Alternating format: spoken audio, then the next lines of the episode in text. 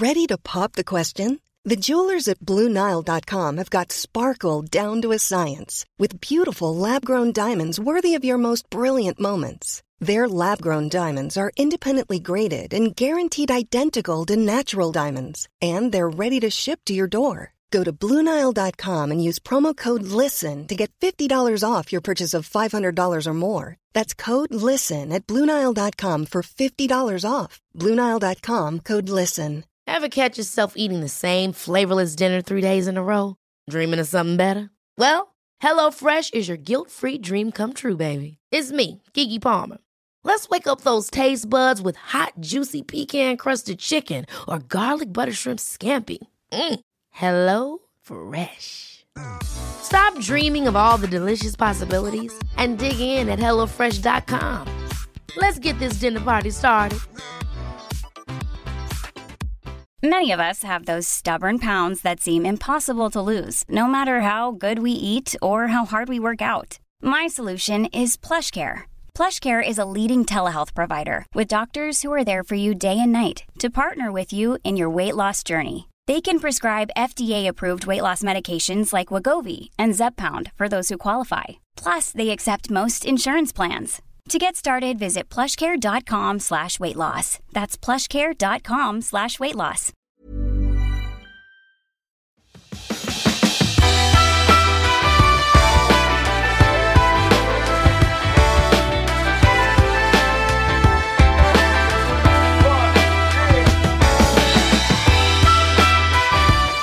Hej och välkommen till Klimakteriepodden med mig, Åsa Melin. Vikt och sömn upptar mycket hjärnverksamhet hos många av oss kvinnor. Och det här med att det är svårare att hålla vikten, det är inte bara inbildning. En stor bov är det som kallas insulinresistens. Och det innebär i korthet att insulinet blir sämre på att reglera ner sockret i blodet, vilket gör att fettcellerna får en chans att suga upp mer energi och socker och omvandla det till fett. Och det här är ett resultat av minskad östrogennivå som tillsammans med minskad ämnesomsättning självklart ger effekt på vikten. Hör mer om det här i avsnitt 134 med Monica Björn och avsnitten Mia Lundin varit med i, framförallt kanske det senaste frågeavsnittet 133. En sak som jag själv är supernyfiken på det är sambandet mellan viktökning och sömnbrist. För det har vi kunnat läsa i tidningarna lite till och från den senaste tiden. Och då menar ju inte jag självframkallad sömnbrist som att eh, ta det där extra avsnittet på favoritserien framför Netflix. Men eh, nej, utan nu ska vi gräva lite djupare på forskningen som ligger bakom det här sambandet med sömnforskaren Christian Benedikt. Så välkommen att lyssna.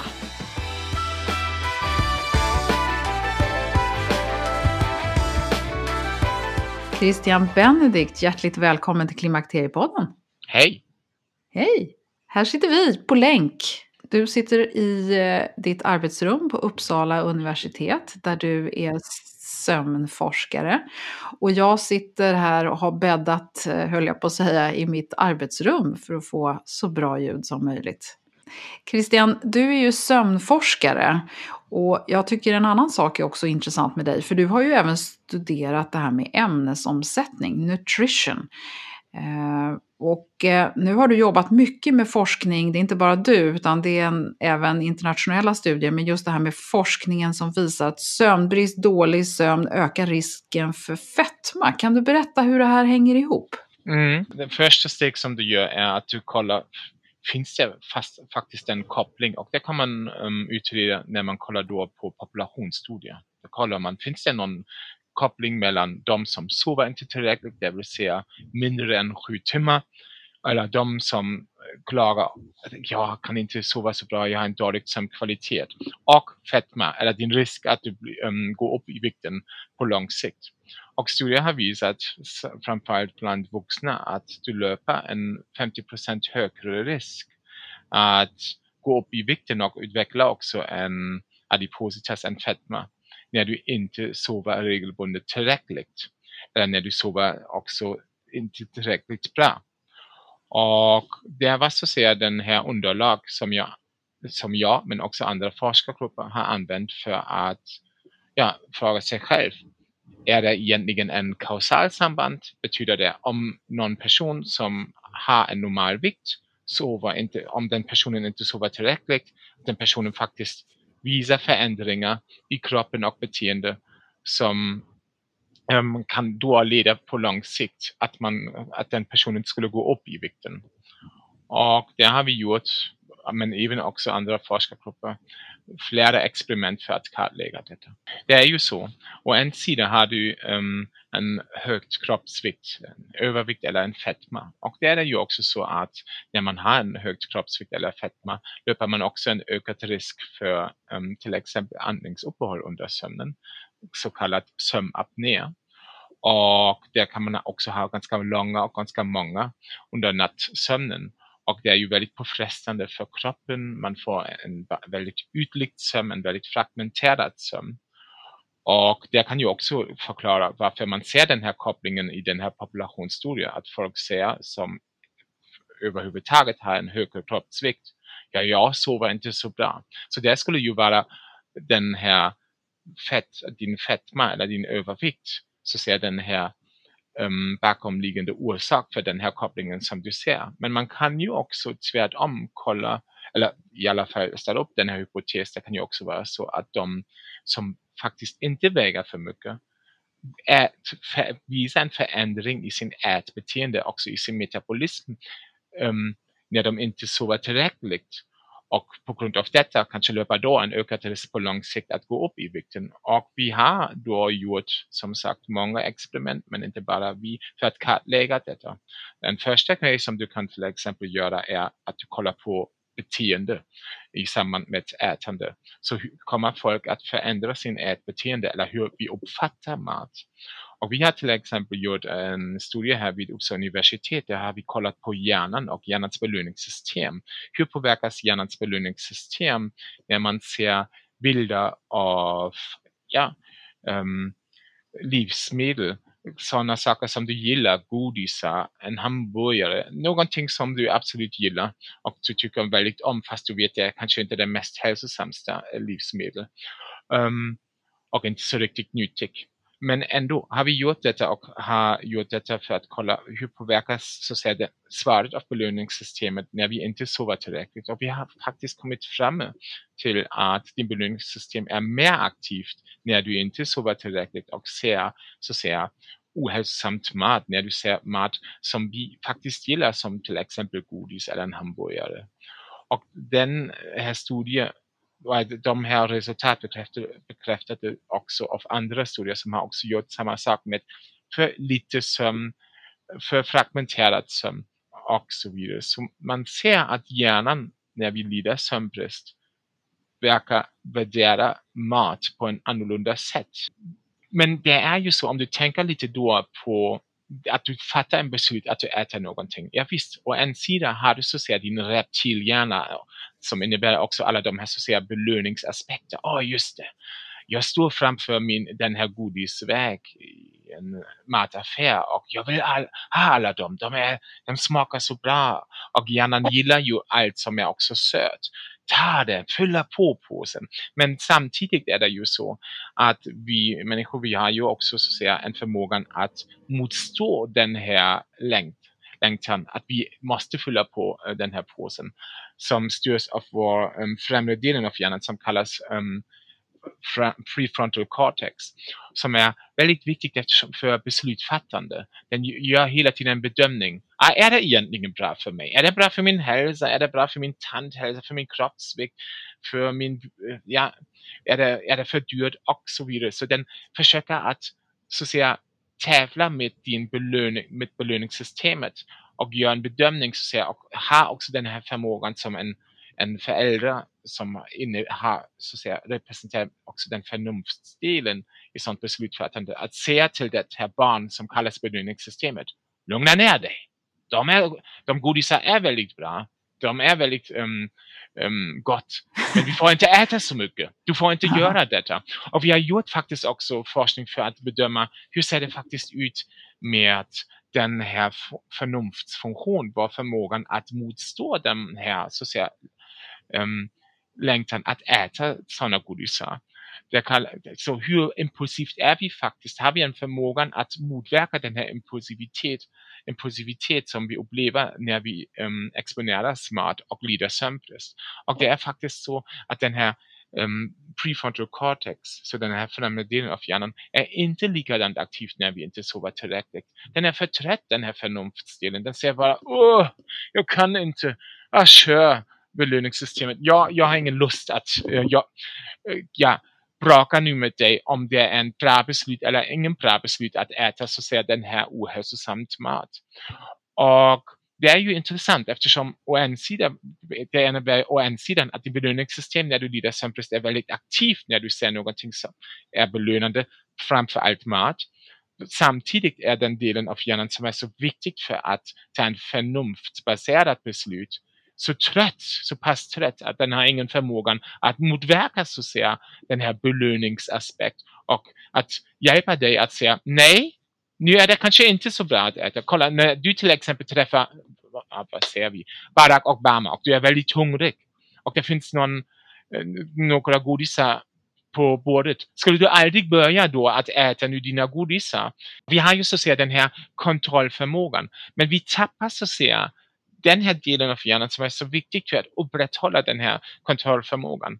Och det kan då också förklara varför vi är då mer benägen när vi lider sömnbrist att säga, när vi ser till exempel en choklad och vi börjar äta en, en choklad. Vi inte bara ser, vi njuter oss inte med att ha bara en bit av choklad. Vi säger, ah, jag kan också äta hela choklad. Mm, nej, men jag fattar precis. Men, men du Christian, då är jag liksom intresserad av, eh, för att vad är egentligen sömnbrist? Då, då, vi kan väl börja med det att då, då är det så att de flesta behöver någonstans runt sju timmar och sen så finns det variabler upp och ner. Mm. Eh, men, men, men jag tänker så här att finns det något tydligt tecken på att man lider av sömnbrist som man själv kan avgöra. För jag tänker så här att många kvinnor som lyssnar på det här har sovit dåligt så otroligt länge så man mm. vet liksom inte riktigt längre vad sömnbrist är. Ja, det är ju väldigt individuellt, det måste man ju definitivt säga. Ja. Om det är till exempel så att du upplever stora problem med dagtrötthet, att det är svårt att fokusera. Ja. Det är det ju en tydlig tecken att du får inte den här återhämtningen under natten. Och om man också då har svårt att somna in under kvällen, att man har svårt att somna om när man vaknar under natten, att man har en tidigt uppvaknande, regelbundet minst tre gånger i veckan över en period av tre månader.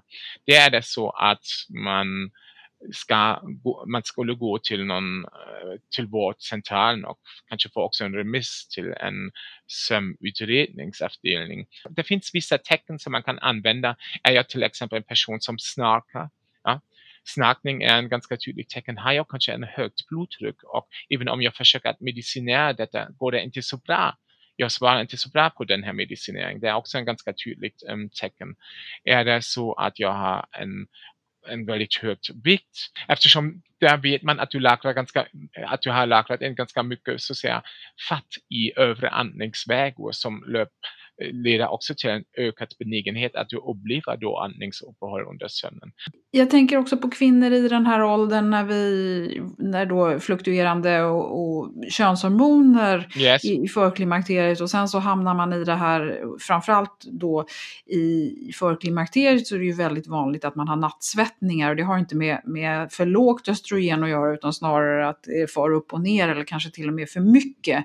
Yes. Och sen så liksom senare i klimakteriet så sjunker de här könshormonerna och eh, då är det snarare bristen på östrogen som gör att man, man sover dåligt. Och sen så åldern yes. i sig blir ju liksom en försämring. Så jag känner att det låter lite hopplöst. Ja, och man måste ju också tillägga, det är också någonting som ganska ofta nämnas i sambandet också med um, klimakteriet är ju också ångest. Att många berättar att de har den här känslan, de blir lite mer känsligt för ångestliknande tillstånd och det kan också då leda till mycket stress och eh, till en dålig sömn. Och samtidigt får man ju inte heller bortglömma att många äm, kvinnor som är då mellan 40 och 60, de har ju också med tanke på äm, ja, sin kraft i, när de är vid arbete en ganska viktig funktion. De har också klättrat upp i karriärvägen, har mycket ansvarighet där. Kanske på hemmaplan har de tonåringar som de måste också ta hand om. Eftersom det är ju tyvärr så, även om vi vill ha en, en samhälle där vi där både partner byter på samma sätt. Kvinnor är de som tar hand om att lösa också bråk och problem inom familjen.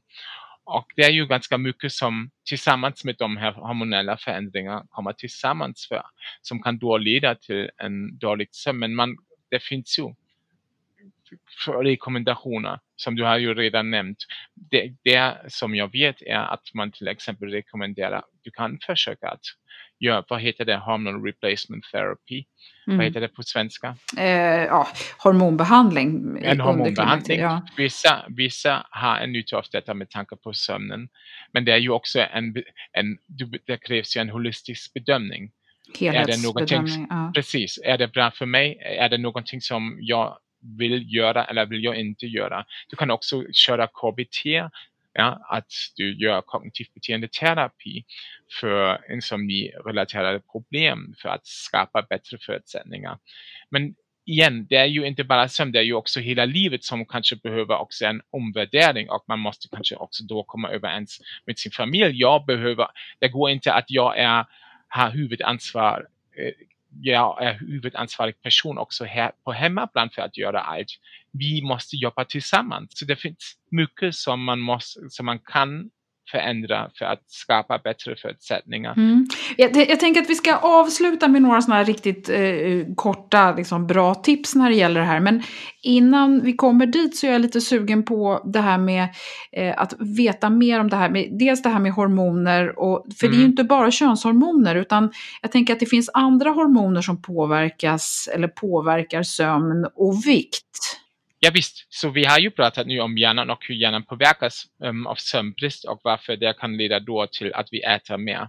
Men det är ju också så att kroppen, kroppens metabolism påverkas också när vi lider av sömnbrist. Man vet till exempel att magen-tarmkanal frisätter en flertal av hormoner som kallas inkretiner, så tarmhormoner som är väldigt viktigt för att styra vår kroppens metabolism men också för att berättar hjärnan Hej, nu är det dags att äta eller hej, vi har tillräckligt mat, nu kan du sluta äta, vi måste inte äta mer, vi har tillräckligt.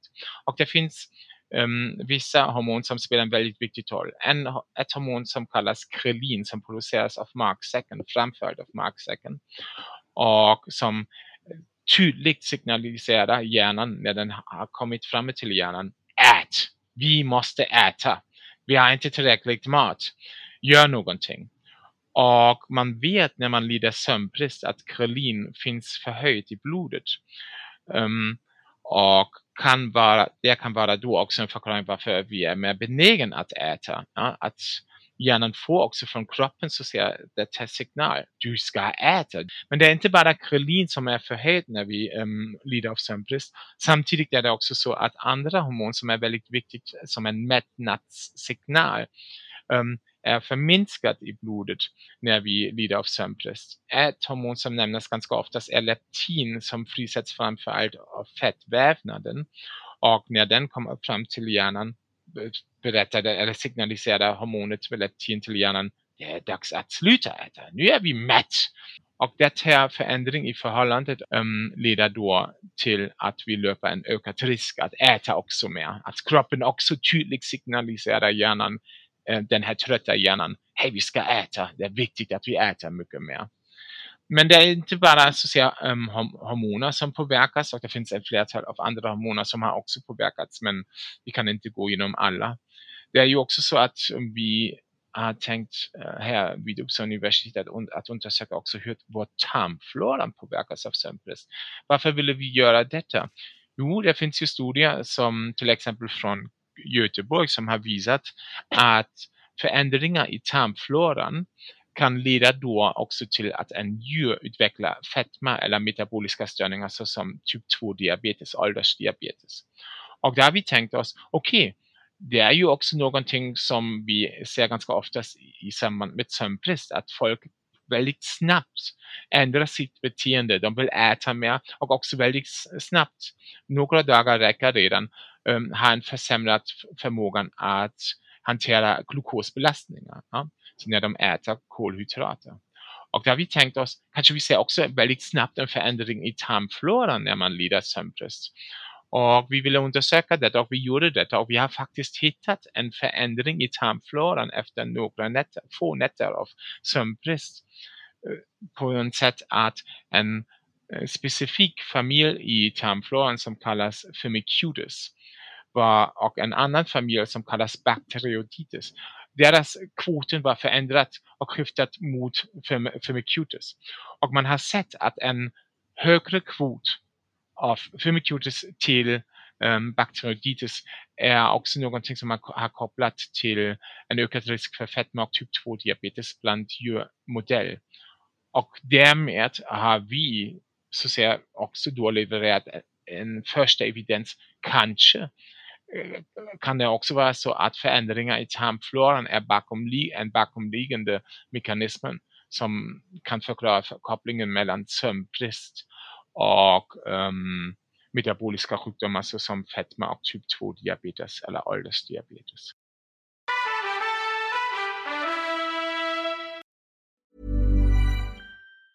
A lot can happen in three years, like a chatbot may be your new best friend. But what won't change? Needing health insurance. United Healthcare Tri Term Medical Plans, underwritten by Golden Rule Insurance Company, offer flexible, budget friendly coverage that lasts nearly three years in some states. Learn more at uh1.com. Many of us have those stubborn pounds that seem impossible to lose, no matter how good we eat or how hard we work out. My solution is PlushCare. PlushCare is a leading telehealth provider with doctors who are there for you day and night to partner with you in your weight loss journey. They can prescribe FDA-approved weight loss medications like Wagovi and Zepbound for those who qualify. Plus, they accept most insurance plans. To get started, visit plushcare.com slash weight loss. That's plushcare.com slash weight loss. Ever catch yourself eating the same flavorless dinner three days in a row? Dreaming of something better? Well, HelloFresh is your guilt-free dream come true, baby. It's me, Gigi Palmer. Let's wake up those taste buds with hot, juicy pecan-crusted chicken or garlic butter shrimp scampi. Mm. Hello Fresh. Stop dreaming of all the delicious possibilities and dig in at HelloFresh.com. Let's get this dinner party started.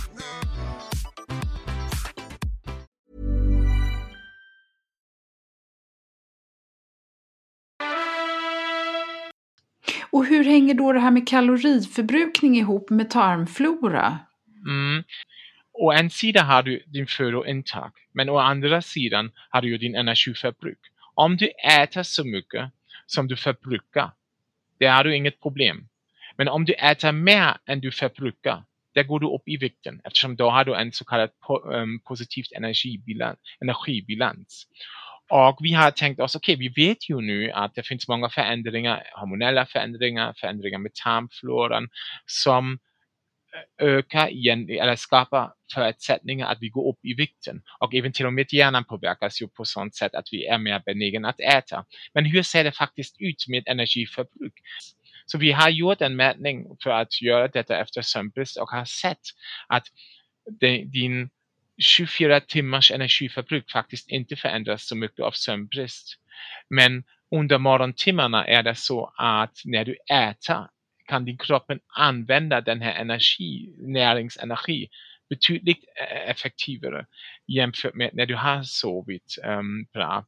Det betyder att kroppen vet ju om, oh, jag, jag har inte fått tillräckligt sömn, jag lider av sömnbrist, det är en stressig situation. Så vi måste verkligen hantera med den här situationen och spara betydligt bättre energi som vi tar upp med näringen. Och vi har visat detta. Så det tillsammans med att jag äter mer kan då leda på lång sikt att jag får också en positiv energibalans och går upp i vikten. Mm. Och jag tycker också att det känns helt självklart att man har mindre energi. Så att man ja. rör sig mindre, man, är inte, man orkar inte ens mm. ha hjärnan igång på samma sätt. Så att det blir ju verkligen en ond spiral, tänker jag. Så, så är det. Så det är bra att du tillägger detta. Så det är inte bara så att säga att kroppen vill utnyttja näringsenergi på en bättre sätt, en mer effektivare sätt. Det är ju också så som ni har sagt att vi är mindre benägen att röra oss. Och det är ju också någonting som leder då att vår energiförbruk går ner. Men det som man måste också tillägga som är ju viktigt och jag är säker att dina lyssnare vet om det och även till och med du att det är ju inte bara en fråga vad jag äter, det är också en fråga när jag äter.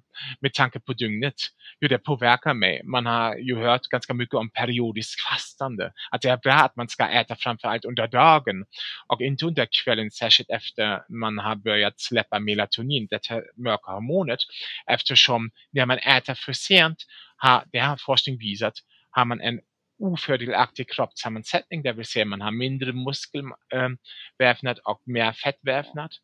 Och man, ähm, man, man har också mer metaboliska störningar såsom att du en försämrad glukosämnesomsättning.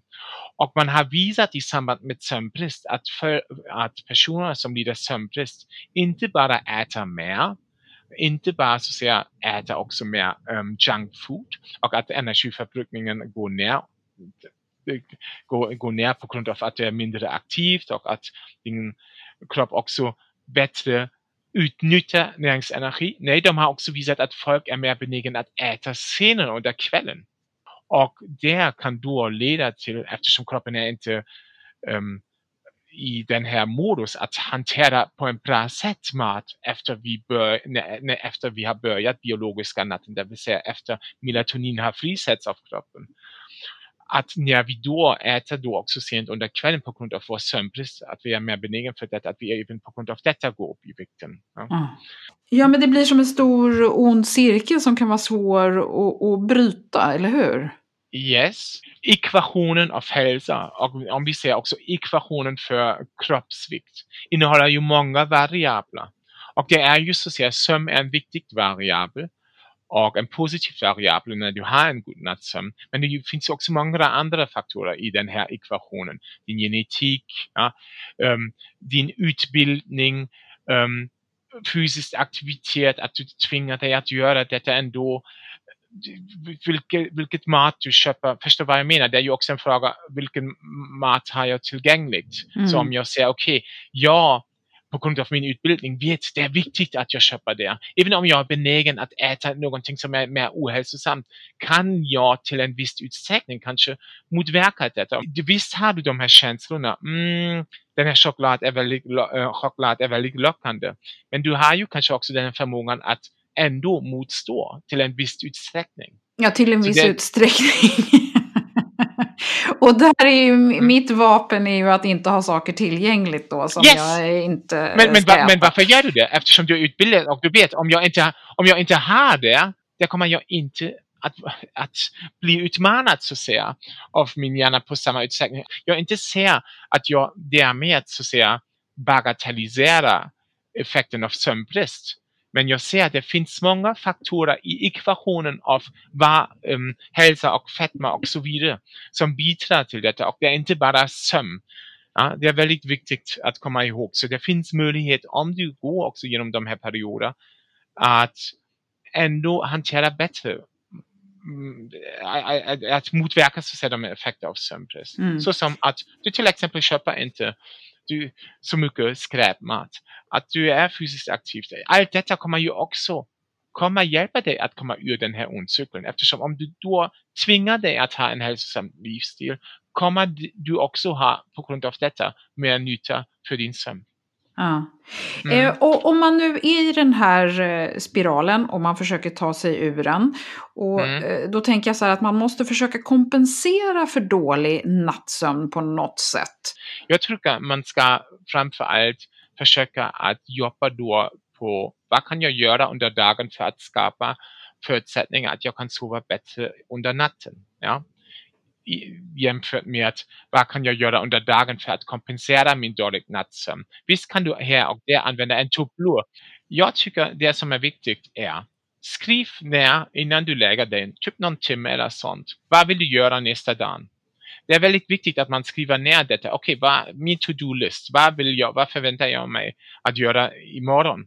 Det är väldigt viktigt eftersom forskning har visat att det underlättar dig att somna. Ja, det förkortar så att säga insomningstiden. Eftersom ganska många ligger då i sängen och tänker usch, och jag måste ju göra detta och detta. Nej, om du skriver ner detta, det har du så att säga blivit av detta och du vet, jag har ju i min agenda och jag kommer att göra detta. Ja. En annan grej som du eh, ska göra är, men det har jag nämnt flera gånger, är ta hand om din dygnsrytm. Det betyder du ska få mycket ljus under morgontimmarna, mindre ljus under kvällen. Den här förhållandet, den här kontrast hjälper dig. Ljuskontrast hjälper din dygnsrytm att fatta. Ah, under dagen, under morgonen är det dags att sätta igång så säga vakenhetsrytmer. Och under kvällen när det är mörkt, ja, nu är det dags att börja så säga biologisk, förutsättningar för biologiska natten och att vi sover. Men det är ju bara, inte bara ljus som är viktigt för att hjälpa din dygnsrytm att förstå var befinner vi oss i yttre tiden. Det är också fysisk aktivitet. Var fysiskt aktivt under morgontimmarna eller under tidigt eftermiddagen, men inte var detta under kvällen. Om du gör det under morgon eller tidigt eftermiddagen kommer du att tidigare lägga din frisättning av melatonin och därmed också biologiska natten. Om du tränar för sent under dagen det vill säga under kvällen kommer du att senare lägga din dygnsrytm. En annan grej som väldigt underskattas av många är också ätande. Du ska inte äta för sent under dagen. Ja, varför det? Ja, om, ja, ganska många lider ju av den här refluxsjukdomen som betyder att de har de här uppstumpningarna av magsyra. Och när, när jag äter då under kvällen kommer jag att sätta igång så ser magsäcken och syreproduktion, kanske jag tillägger även en glas vin för att slappna av lite grann. Det leder till att den här muskeln som stänger av matstruppen från magsäcken blir mer avslappnad. Och sen lägger jag mig för att sova i en um, horisontal position. Ja, då löper jag en ökad risk för en syreflux och halsbränna det är ingen bra förutsättning att sova mm. bra. Och efter några timmar kanske släpps maten från magsäcken om jag äter för mycket under kvällen och för tungt. Också till tunntarmen som är inte alls redo för att hantera om detta och då får du en uppblåshet. Och också på grund av detta problem med din sömn och en uppvaknande. Så inte gör detta. En annan grej som man ska ju också göra är att man skapar en bra sovmiljö. Ja, det ska vara lite svart. Det ska vara en mindre så att säga, aktiverande miljö. Du ska inte använda din sovmiljö för att jobba eller för att göra någonting som aktiverar dig. Ta bort också din mobil. Den kan du ladda också i köket eller i tvättstugan. Du måste inte ha den med dig. Ja? Du kan också använda en analog um, um, väckarklockan. Fast du ska inte se siffrorna. Det är inte heller bra.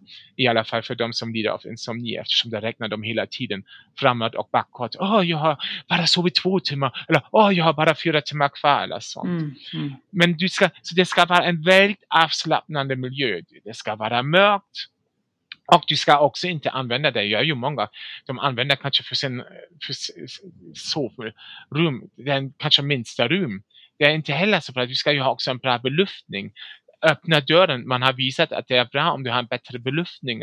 Om du inte vill öppna fönstret eftersom fåglar börjar sjunga för tidigt under morgonen. Öppna i alla fall dörren till andra rum. Att du får mycket en bättre luftcirkulation. Då får du en bättre sömn.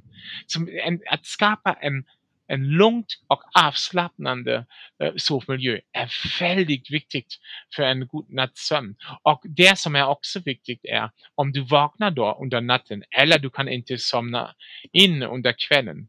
Om det tar typ 15-20 minuter och du stressar dig så mycket på grund av detta. Gå och ähm, gå upp, lämna sovrummet, gå till vardagsrummet, lyssna till någon podcast, Ja, till exempel Klimakteriepodden. Ja. Men gör det under mörkret. Ja. Och när du känner dig tillräckligt trött igen. Ja, kanske Klimakteriepodden är inte för bra för detta eftersom du är så bra och aktiverande. Ja. Det, när du känner dig sömn, tillräckligt sömnig igen. Då återvänder du till sovrummet och försöker somna om igen. Om det inte funkar igen, lämna igen rummet. Det är väldigt viktigt. Det kallas stimuluskontroll. Att du inte så att säga tillåta hjärnan att hjärnan förknippas så att säga sängliggande med att åh, stress och jag, jag inte orkar, jag, jag kommer inte ner till sömnen. Så lämna rummet där. Jag tycker det är hellre bättre att du sover periodvis kortare, men när du ligger i sängen lyckas du jämfört med att du ligger varje natt sju, åtta, nio timmar i sängen och tvingar dig att eh, sova och somna, men det funkar inte. Eftersom då kommer du att förknippa sänggående till någonting väldigt stressande. Och det leder då på lång sikt framöver också till en insomniutbildning. Det är inte bra. Och en, jag, jag vill också tillägga någonting annat. Kolla, vi är ju så påkopplat hela dagen, eller hur? Vi har våra mobiler, vi har våra datorer och, och, och. Och nu under, det är nu den här tiden, den här coronatiden, får vi hela tiden Eh, också mycket information kring ah, den här krisen, så många dog och vi, hur kan vi klara av detta? Så det är ju mycket stress, mycket aktivering. Det är ingen bra förutsättning att sova bra. Så stänga av din mobil som vi har också sagt före coronatiden för att koppla av och skapa också en möjlighet att reflektera innan du lägger dig och går till sängen. Ta en coronapaus. Gör någonting som är bra för dig. Läs en bok. Lyssna till en fantastisk podcast som Klimakteriepodden. Kolla din favorit Netflix-serie eller sånt. Prata med dina um, släktingar via Skype eller sånt. Men inte um, kör på dygnet runt den här uh, aktivering och särskilt också den här negativa aktivering i samband med coronatiden nu. Mm. Ja yes. men bra. Tack Christian. Oh, det, det är så mycket det här och, och, och sömn är också så, det är så stigmatiserande. Det, eftersom vi vet hur, hur hemskt det är att inte sova bra. Och när, peppa peppa just nu så har jag en bra, sover jag bra, men alltså under de åren när jag inte sov bra så, alltså stressen i hela tiden. Jag räknade timmar och jag höll på yes. hela tiden. Jag jagade upp mig själv inför det här eh, risken med att gå och lägga mig och inte kunna sova. Det är, det är fruktansvärt. Det är riktigt, riktigt eh, jobbigt. Och just det, ligga i sängen och vrida och vända, vrida och vända, vrida och vända. Det är hemskt. Men, men det är ju också så viktigt vad du säger nu. Det, och jag vill tillägga detta. Det, i, I London finns också väldigt, en väldigt bra sömnforskare som sa också det är väldigt viktigt två grejer. Acceptance and commitment. Och acceptance innebär ju också att du i samband med sömnproblem att du bara också säger, jag kan lugna ner. Jag, jag accepterar att jag inte sover likadant bra som jag gjorde 20 år sedan. Förstår vad jag menar? Jag måste bara också förstå att det finns förändringar när jag blir äldre som då leder till att min sömn är kanske inte av samma kvalitet. Men jag vill då ändå utnyttja så att säga, den här tiden som jag får på bästa sättet. Jag inte så att säga bagatellisera detta, man vill ju ändå skapa förutsättningar framöver att man kan då få ännu bättre sömn. Men man måste också förstå först, okej, okay, jag har alltså sett detta sömnproblem, men det ska inte oroa mig på sånt sätt eftersom det inte eh, jämför, jämförbar med den här sömnen som jag har haft 20-30 år sedan. Det kan man inte göra. Och, vi, och sömn har kommit också lite i den här prestationsfokus. Ja? Att ja, du ska inte bara springa 10 mil varje, äh, en mil varje dag. Typ, du ska inte äta nyttigt. Nej, nu ska du också sova på bästa sättet. Och det lägger en press på folk, som en prestationspress som är inte bra och som, som idiotiskt tycker jag. Mm. Sömn är ingen prestation. Du kan bjuda in din vän sömn, din livslångt vän sömn med skapa förutsättningar. Säga hej kolla, jag skapar förutsättningar du är hjärtligt välkommen men du kan inte tvinga sömnen. Som du kan likadant göra detta till exempel med fysisk aktivitet. Att du kan tvinga dig att springa en mil men du kan inte tvinga dig att sova 20% i djupsömn. Det går inte. Ja. Mm. Du ändå skapar förutsättningar att varva ner, att återhämta dig. Inte likadant bra som du gör när du sover, men ändå fortfarande bra. Det är ingen black-white frågan. Det finns också mycket emellan och du vilar ju ändå. Om du gör det under dagen att du tar, du um, kopplar, ehm, du kopplar av dig, du säger nu är det en utrymme för mig, 15 minuter. Det jag vill inte vara med någon, jag vill bara för mig. Jag säger folk, det är ju jättebra för dig, för din mental hälsa, den energiladdare och sånt. Under natten stigmatiseras du för detta och du säger det är ju jättedåligt, det är ju sömnbrist, du kommer att dö. Förstår vad jag menar? Nej, man får se det som mindfulness på natten istället för mindfulness på dagen du vilar ju ändå, precis. Men jag inte säger, eh, visst måste man skapa framöver bättre förutsättningar. Man måste, om du har en andningsuppehåll relaterat en problematik, då måste du få en behandling för din andningsrelaterat, eh, sömnrelaterat andningsuppehåll. Det måste du göra. det är ingen tvekan om detta. Du behöver en behandling, men det finns bra behandlingar.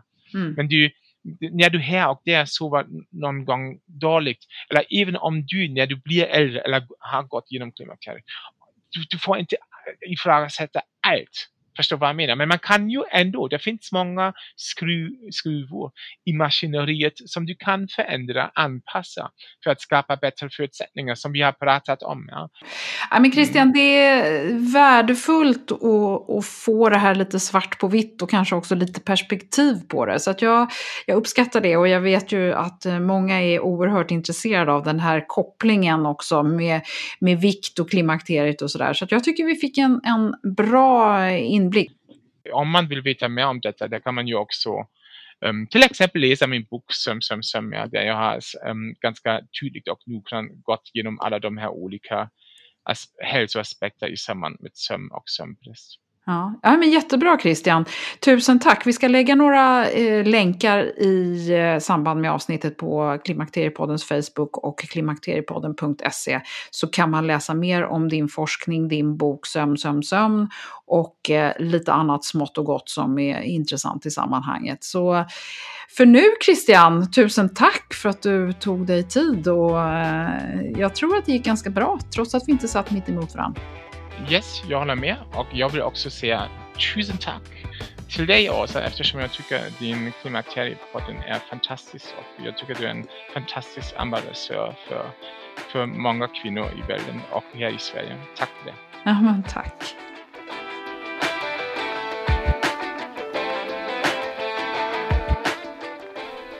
Vill du höra mer om sömnfrämjande åtgärder så kan du lyssna på avsnitt 32, 33 och 99.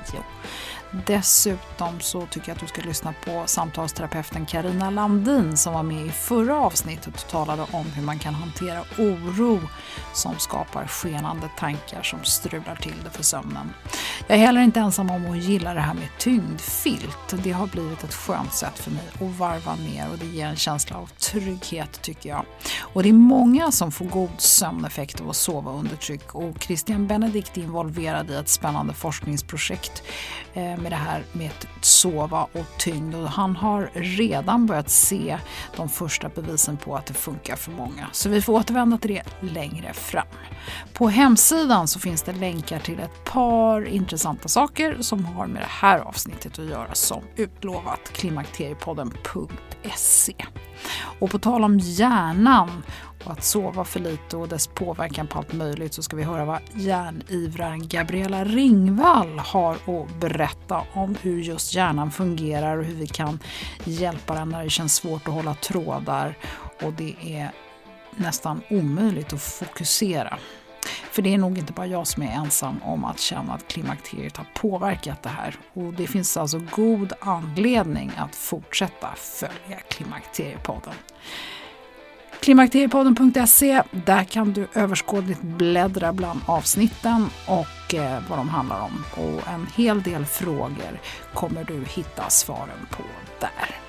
Och välkommen såklart att följa Klimakteriepodden på Facebook och Instagram om du inte redan gör det. Hoppas du gillar det här avsnittet och delar det med någon du tycker om. Och så hoppas jag såklart att du är med och lyssnar snart igen. Hej då!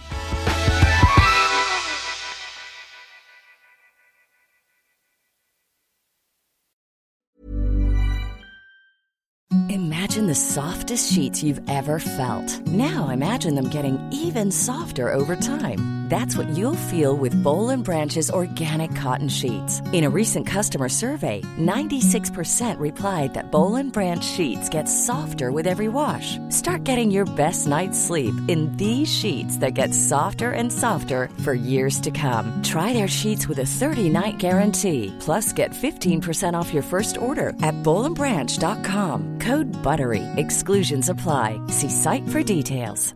Imagine the softest sheets you've ever felt. Now imagine them getting even softer over time. That's what you'll feel with Bowl and Branch's organic cotton sheets. In a recent customer survey, 96% replied that Bowl and Branch sheets get softer with every wash. Start getting your best night's sleep in these sheets that get softer and softer for years to come. Try their sheets with a 30-night guarantee. Plus, get 15% off your first order at bowlandbranch.com. Code BUTTERY. Exclusions apply. See site for details. Mom deserves the best, and there's no better place to shop for Mother's Day than Whole Foods Market. They're your destination for unbeatable savings, from premium gifts to show-stopping flowers and irresistible desserts. Start by saving 33% with Prime on all body care and candles. Then get a 15-stem bunch of tulips for just $9.99 each with Prime. Round out Mom's menu with festive rosé, irresistible berry chantilly cake, and more special treats. Come celebrate Mother's Day at Whole Foods Market.